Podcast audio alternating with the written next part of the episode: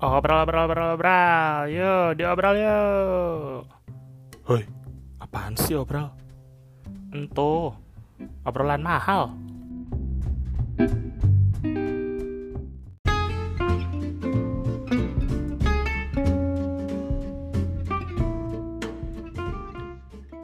Halo, halo, halo semua.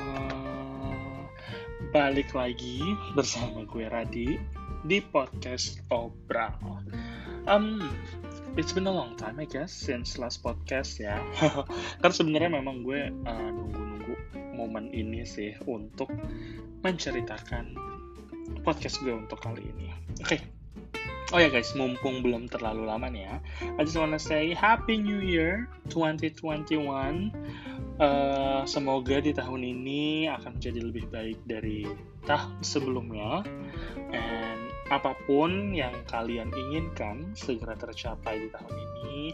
Dan yang paling penting, we hope, we all hope this pandemic will be go away soon sehingga kita pun bisa dapat beraktivitas normal kembali tanpa adanya kekhawatiran. Amin, amin ya robbal alamin.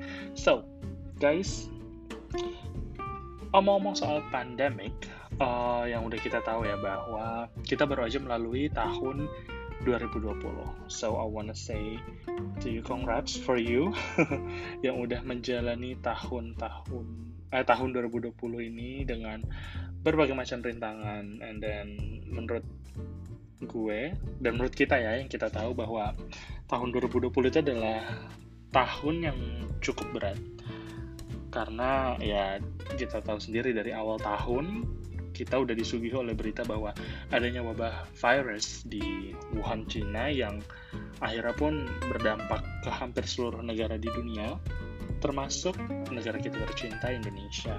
Dan akhirnya WHO sendiri pun menetapkan bahwa uh, wabah yang, ta yang tadinya itu adalah hanya sebuah wabah di Cina menjadi sebuah pandemik dan Indonesia sendiri pun singkat gue itu ya dia kan mendapatkan kasus pertama itu dua dari seorang keluarga kalau nggak salah ya anak dan ibu itu di akhir Februari or awal Maret 2020 ya singkat gue itu dua kasus pertama masuk ke Indonesia dan terus terus bertambah sehingga akhirnya pun pemerintah waktu itu sempat menerapkan PSBB selama dua kali kalau nggak salah lalu dan akhirnya pun sekarang tercipta namanya new normal.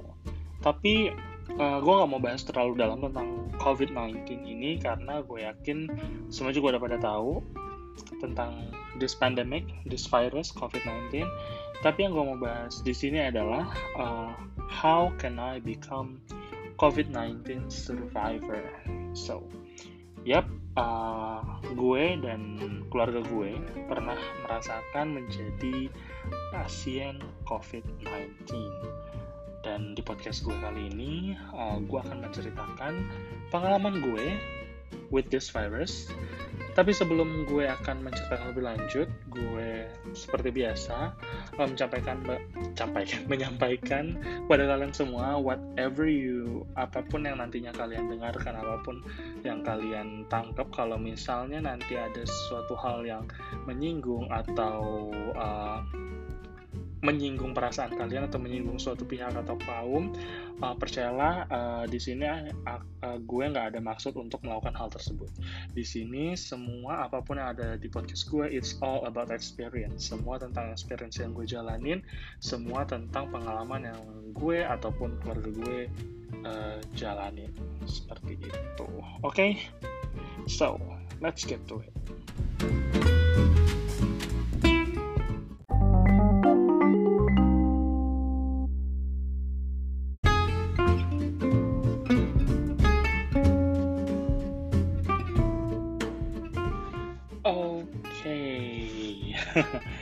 Like I said before dan sesuai juga dengan judulnya My 2020 di sini gue akan menceritakan pengalaman gue selama di tahun 2020 mungkin uh, banyak yang ngerasa kalau tahun 2020 tuh atau tahun 2020 nya tuh saat uh, karena nggak bisa ke mana-mana atau nggak jadi jalan-jalan ke luar negeri atau rencana yang sebenarnya kayak udah mateng nih kayak ya contoh kayak misalnya gue mau lanjut pendidikan di tahun 2020 atau gue mau uh, let's say kayak mau nikah di tahun 2020 itu semua tiba-tiba cancel. Uh, I know itu nyebelin karena gue pun juga merasakan uh, apa namanya merasakan hal tersebut gitu. Tapi alhamdulillah di tahun 2020 kemarin uh, gue dan keluarga gue masih bisa disempatkan pergi, sempatkan pergi, sempat uh, sempat merasakan pergi ke umroh di bulan Februari. Itu juga alhamdulillah banget karena seminggu setelah gue nyampe di Indo uh, Saudi Arabia langsung close border untuk uh, pelaksanaan ibadah umroh. So I was so lucky, me and my family was so lucky masih bisa berkesempatan untuk pergi ke tanah suci. Ya terus uh, apa lagi ya? After that ya udah, gue stay at home, nggak ke mana-mana dan ya nggak ke mana-mana sih so anyway balik lagi ke yang tadi gue udah kasih tahu di prolog uh, di sini gue mau menceritakan pengalaman gue dan keluarga gue survive dari COVID-19 so uh, where should I start? Oke, okay, sebelum gue kasih tahu, sebelum gue mulai, sebelum gue kasih tahu, sebelum gue mulai, gue mau kasih tahu dulu. Nah itu tadi yang gue mau omongin. Jadi gue mau kasih tahu. Jadi gue dan keluarga gue itu termasuk uh, orang yang cukup strict selama pandemi ini. Kayak mulai dari terima tamu ataupun uh, apa namanya keluar rumah juga. Terus habis itu nongkrong itu nggak pernah apa ya nggak pernah nggak strict gitu selalu strict untuk urusan tersebut. I mean like kalau memang uh, tamunya tidak bukan bukan tamu yang penting gimana ya tamunya itu uh, tidak membawa hal penting maksudnya kalau tidak urgent, sebisa mungkin kita nggak nerima tamu. Sorry, seperti itu. Dan kita pun juga keluar rumah kalau memang untuk beli kebutuhan sehari-hari atau kebutuhan bulanan. I mean like, so untuk belanja bulanan, untuk ke supermarket. Kalaupun nongkrong ya gimana ya, nyokap gue juga emang orangnya jarang yang suka nongkrong, bokap gue apalagi, ya nggak pernah sih, gitu jarang lah intinya jarang.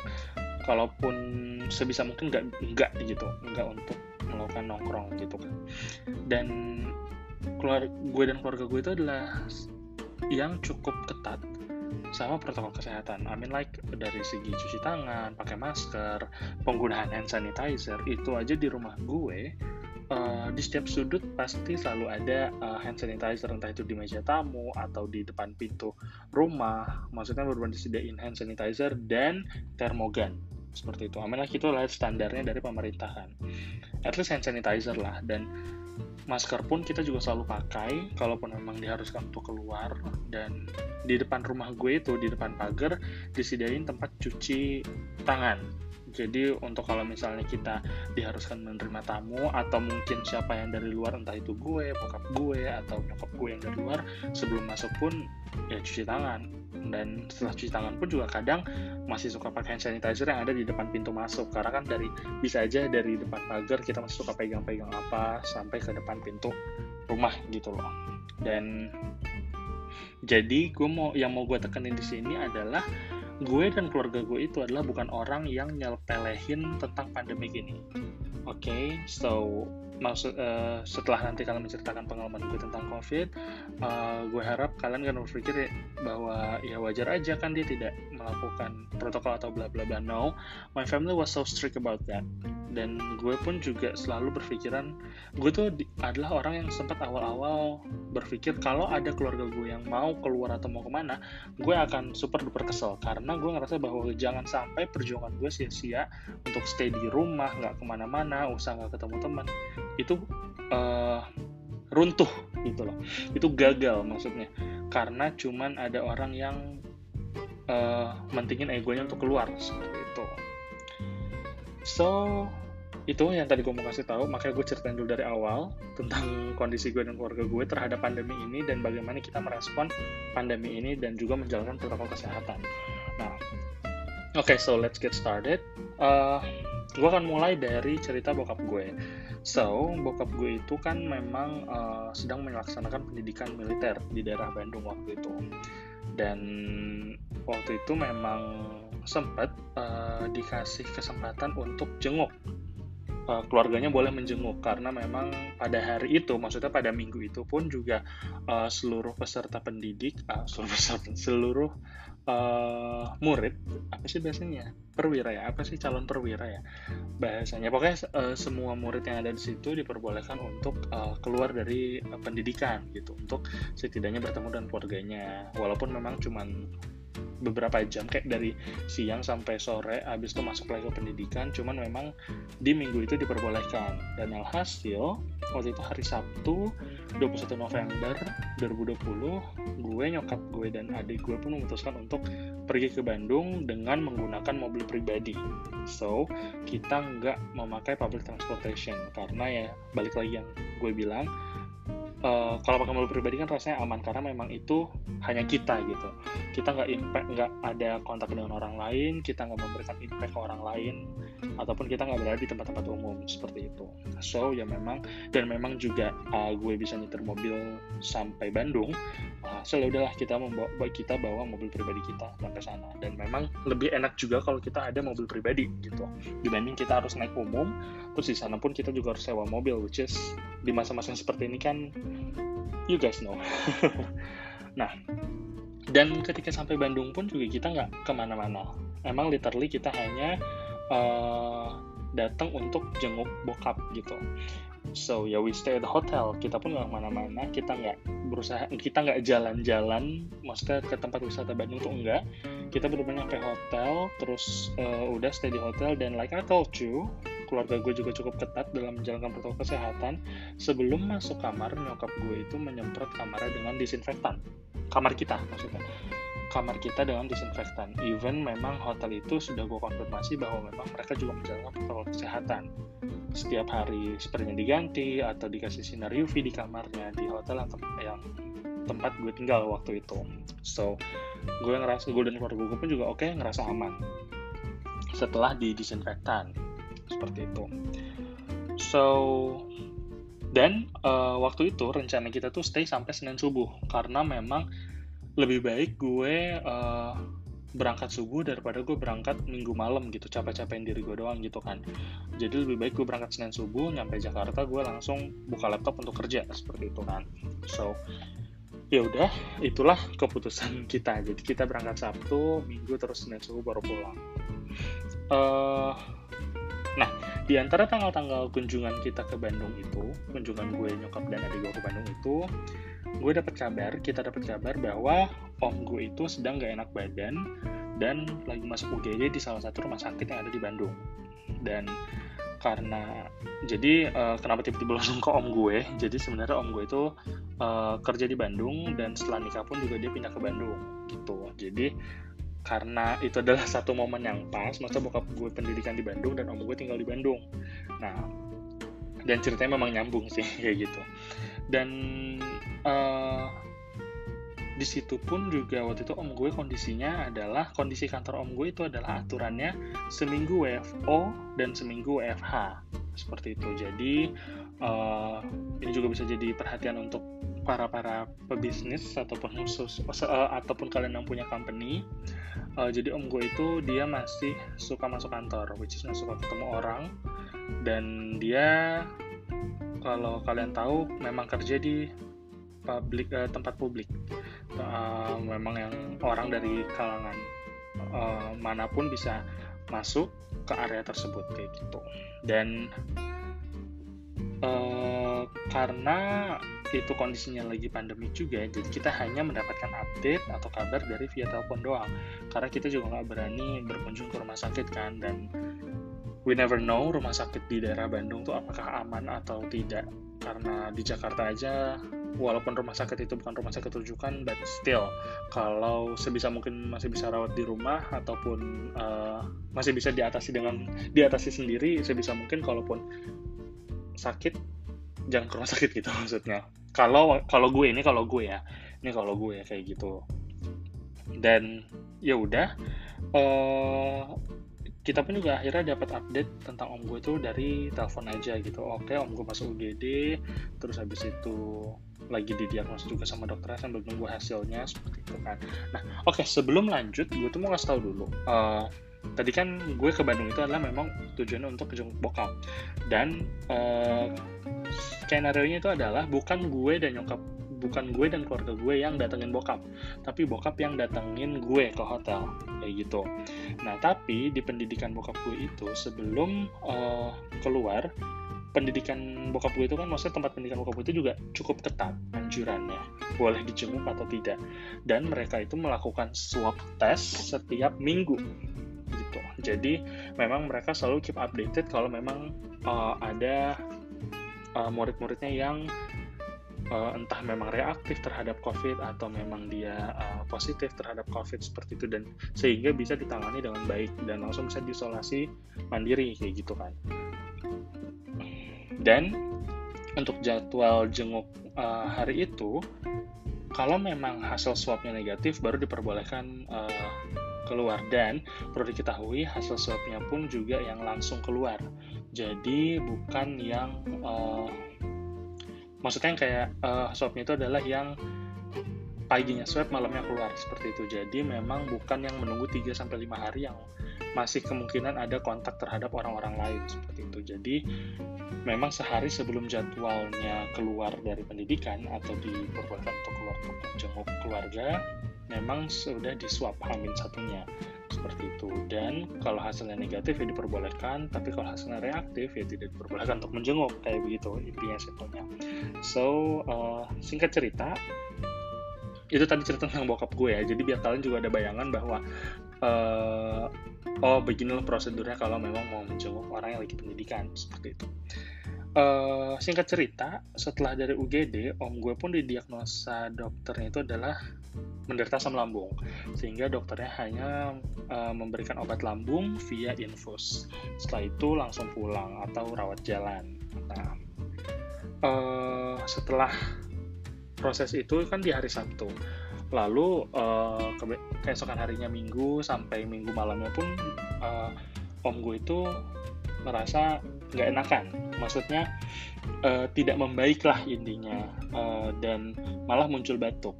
Dan notabene-nya sebagai penderita asam lambung uh, memang batuk-batuk sering kali muncul dan emang suka bikin tenggorokan gatel. Tuh yang kayak wow gatel parah bukan main gitu. Dan mungkin penderita asam lambung bisa relate ya karena gue itu juga penderita asam lambung akut yang memang kalau udah lagi kambuh-kambuhnya banget itu memang suka bikin batuk dan tenggorokan tuh gatel banget gitu sampai apa ya?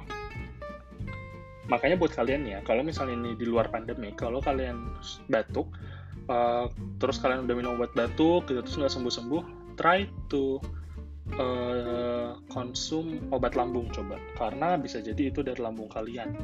Gitu karena gas itu juga bisa naik sampai ke tenggorokan dan itu bikin gatel dan itu yang bikin batuk sebenarnya. Nah hasil nyokap gue pun juga ini balik ke om gue. Nyokap gue pun juga berencana untuk bawa om gue berobat ke Jakarta gitu. Karena memang ya udah diagnosa dokter awalnya adalah asam lambung. Dan kita hanya tahu sampai situ kabar dokternya. Uh, akhirnya nyokap gue inisiatif untuk bawa om gue ke Jakarta. Alhasil Senin subuh tanggal 23 November setelah check out dari hotel gue nyokap dan adik gue itu uh, jemput om gue di rumahnya untuk bareng-bareng ke Jakarta alhasil di mobil gue pun ada gue nyokap gue adik gue dan om gue sendiri Oke singkat cerita, sampai di rumah om gue pun langsung dibawa ke rumah sakit dan langsung ke UGD. Dan setelah nunggu lama, akhirnya didiagnosa pun uh, tipes. Oh ya, yeah. uh, for your information, uh, setelah masuk UGD, om gue itu memang sudah di rapid dan rapidnya pun non reaktif rapid testnya pun non reaktif ya gengs. Jadi uh, maka dari itu dokter langsung uh, mengatakan ke eh langsung menindaklanjuti ke step selanjutnya which is mungkin ambil darah atau apa dan memang sampai ambil darah pun juga masih non reaktif untuk covidnya sampai terakhir kali di rumah sakit itu sebelum akhirnya dokter mendiagnosa bahwa om gue itu kena tipes dan dianjurkan untuk opnam di rumah sakit tadi sempat kepotong uh, karena baterai HP gue habis. Oke, okay. uh, tadi sampai mana? Oke, okay.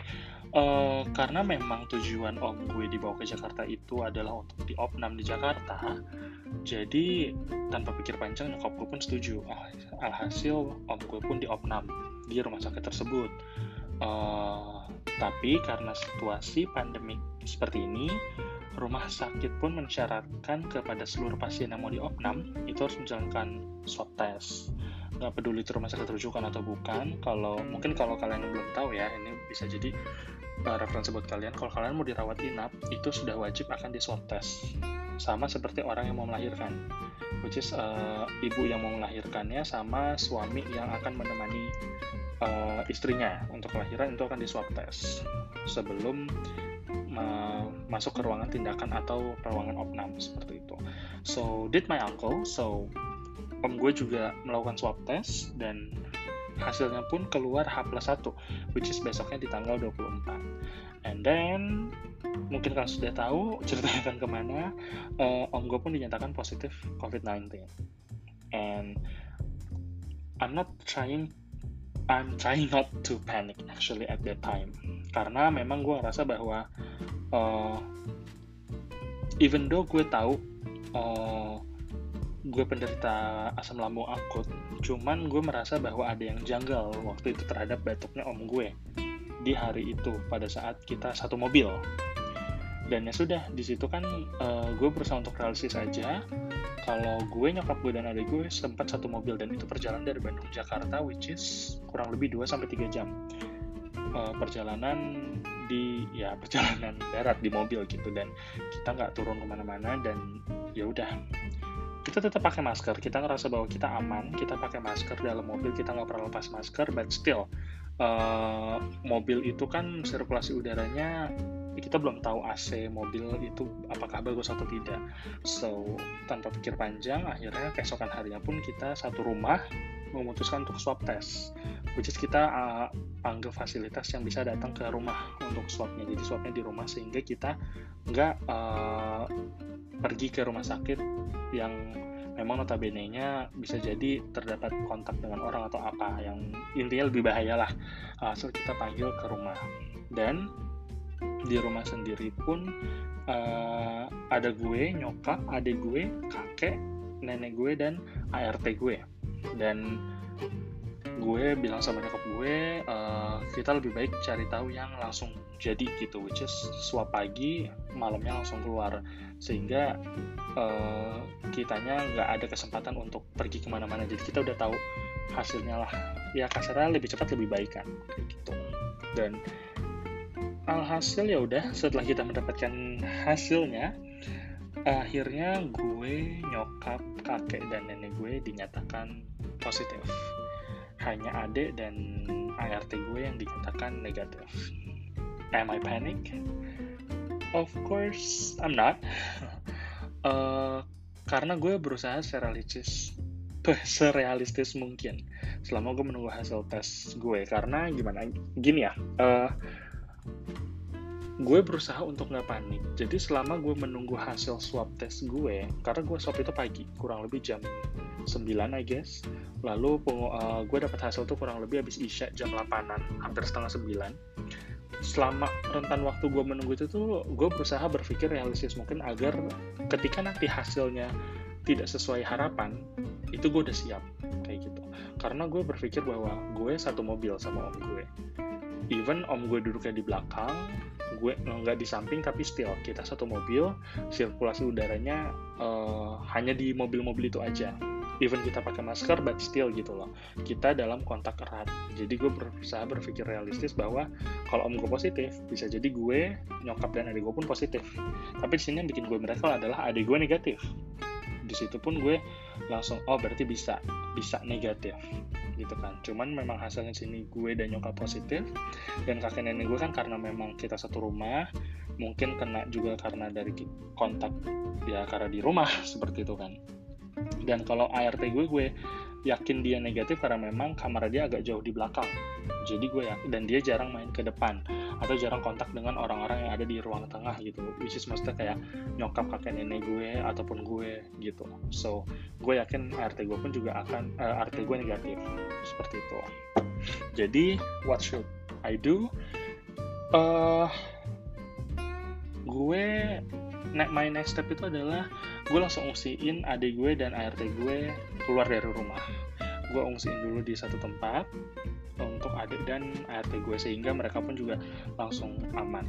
Jadi uh, gue membuat bahwa di rumah gue itu hanyalah oke okay, hanya gue yang positif seperti itu. Gue nyokap kakek dan nenek sehingga kita pun juga beraktivitas enak gitu. Kita mau ke dapur kita mau uh, ambil makan atau mempersiapkan makanan itu enak gitu.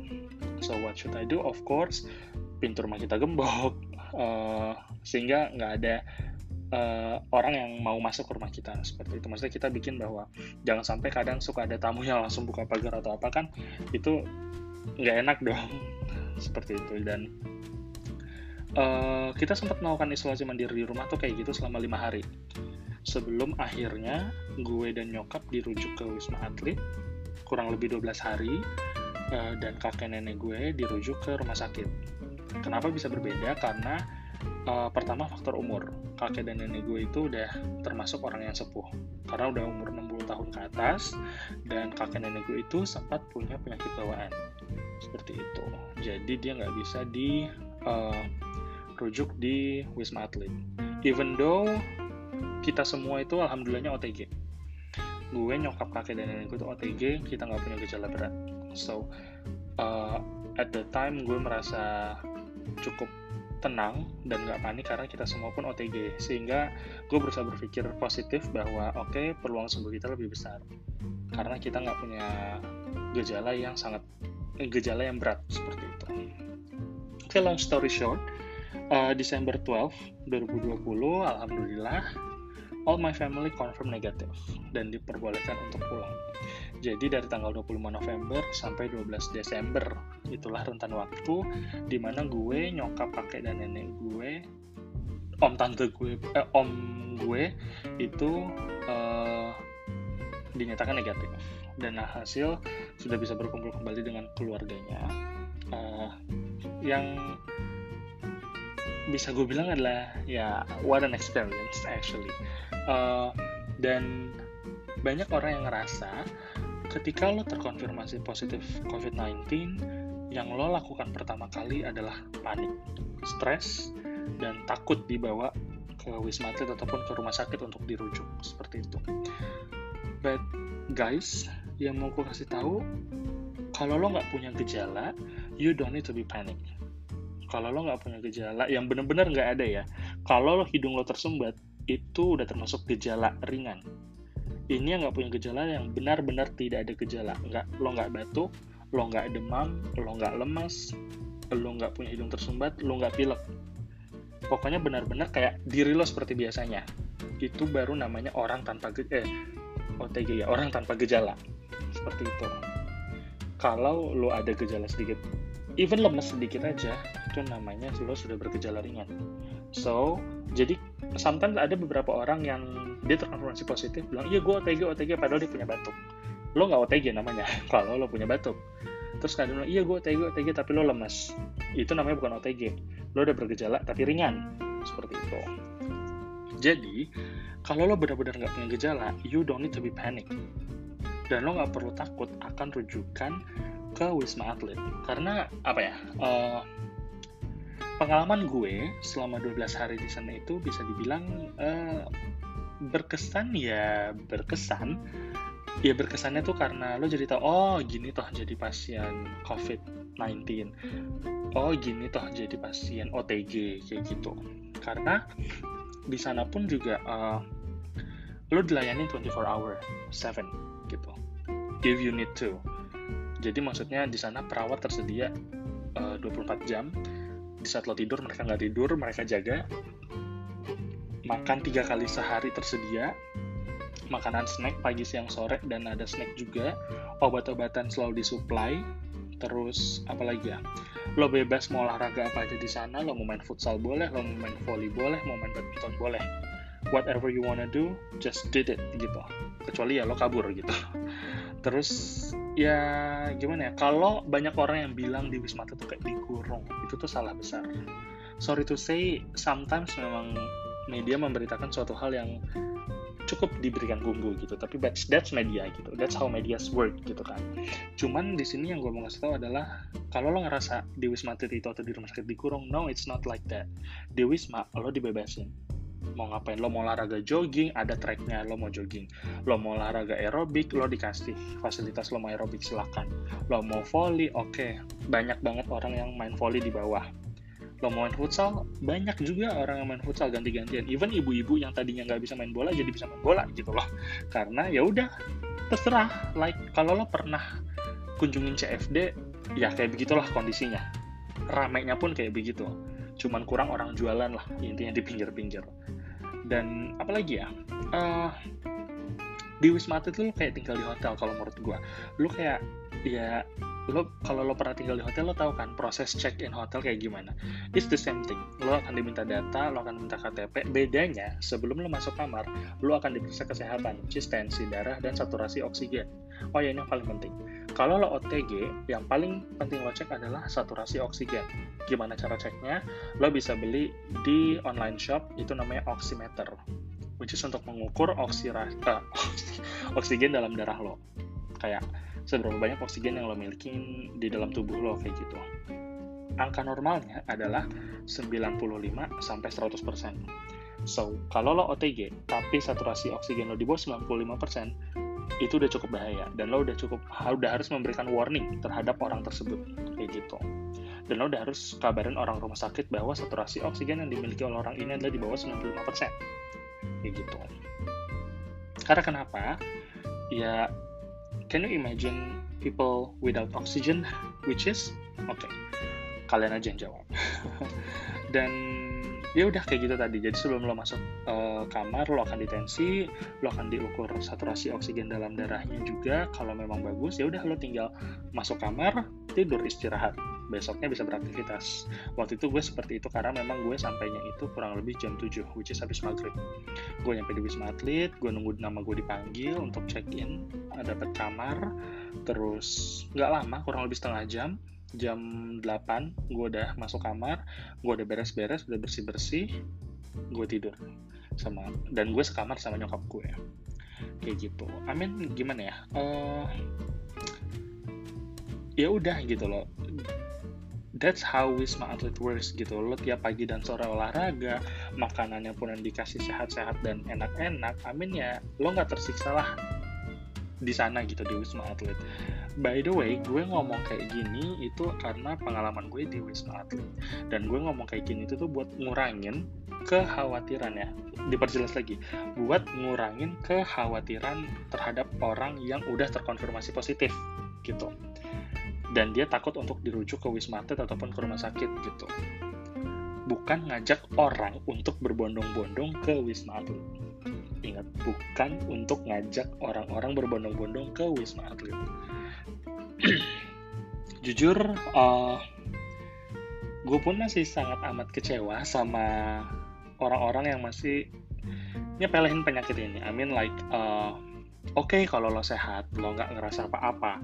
Tapi kan bukan berarti lo nggak jadi carrier buat orang lain. Bisa jadi oke okay, lo sehat lo nggak kenapa-napa. Maybe lo kalaupun lo swab antigen ataupun swab PCR lo negatif tapi bisa jadi tuh lo menjadi carrier gitu kan. Kayak let's say gini om gue di rapid test tiga kali non reaktif but when it comes to the PCR test positif. Bisa di biar kalian saja menyimpulkan. Oke okay. Dan uh, apalagi kalau misalnya di rumah lo itu punya orang tua yang udah sepuh gitu. Jujur pada saat masa-masa nunggu hasil swab tuh gue sempat berpikir kalau kayak kalaupun memang hasilnya positif please gue aja. Kalau ada yang positif please gue aja. Gue sempat berpikiran seperti itu.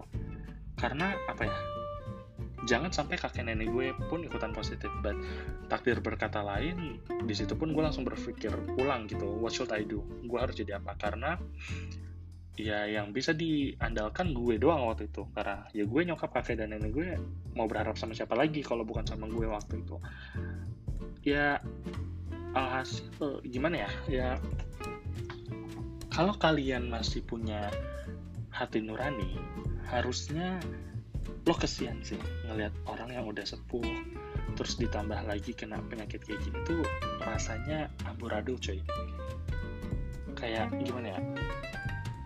Apakah lo siap menanggung beban mental kalau lo dihadapkan dengan statement ya kan dia kena karena si ini atau si itu kayak kan kasihan tuh kakeknya atau jadi kena gara-gara dia masih suka keluyuran dan lain-lain yang kayak gitu. Oke kalau alhamdulillahnya bisa survive kayak kakek dan nenek gue gitu. Ya kalau misalnya mereka nggak bisa survive udah siapkah kalian menanggung beban seumur hidup? Gue ngomong kayak gini karena gimana ya? Ada beberapa temen gue yang mereka masih suka hangout. Entah itu dinner lah, ngopi lah, ngedate lah, atau ya ngapain lah di luar kerja ya. Di luar kerja gue, ini konteksnya di luar kerja. Kalau kerja gue udah no comment, karena itu udah keputusan balik lagi ke company mereka. Gue nggak bisa ikut campur kan. Dan ya itu tadi dan gue tahu beberapa dari mereka itu tinggal bareng sama seseorang yang memang udah sepuh either itu ortunya ataupun kakek atau neneknya kayak gitu dan dengan bangganya mereka masih bisa IG story senyum-senyum uh, terus post foto like nothing happened gitu. Are you guys even taking your family at home gitu kan? Yang gue pikir pada saat gue ngeliat mereka gitu. Jujur kalau yang tadi gue bilang tentang wisma atlet pelayanan sebegitu baiknya emang baik. Tapi proses menuju lo bisa nyampe situnya itu yang sulit.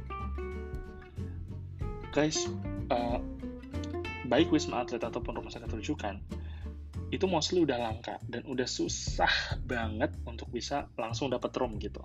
At least ya lo harus nunggu 2 sampai 3 hari. Oke, okay, kalau emang lo kuat nunggu segitu, tapi can you imagine kalau misalnya ada salah satu anggota dari keluarga kalian yang udah super urgent gitu, butuh ditanganin tapi rumah sakitnya nggak tersedia atau kalian masih dalam waiting list gitu. Apa kalian masih bisa santai coba? Kalau emang udah kayak gitu gitu deh jangankan yang bergejala. Kakek nenek gue yang notabene-nya udah sepuh uh, yang tadi gue bilang gue cukup bersyukur karena mereka pun juga OTG gitu. Sehingga nggak perlu ada penanganan yang khusus itu aja gue deg-degan nunggu mereka dapat rujukan RS karena awalnya itu gue dikontak sama pihak puskesmas kar uh, bahwa gue dan nyokap gue duluan yang dapat ruangan di Wisma Atlet. Kakek dan nenek gue itu belum dapat itu gue dapat kabarnya di malam sebelum gue dirujuk besok paginya pihak puskes langsung ngabarin bahwa kakek nenek gue pun juga langsung dapat rumah sakit udah dapat rumah sakit. Which is itu leganya bukan main.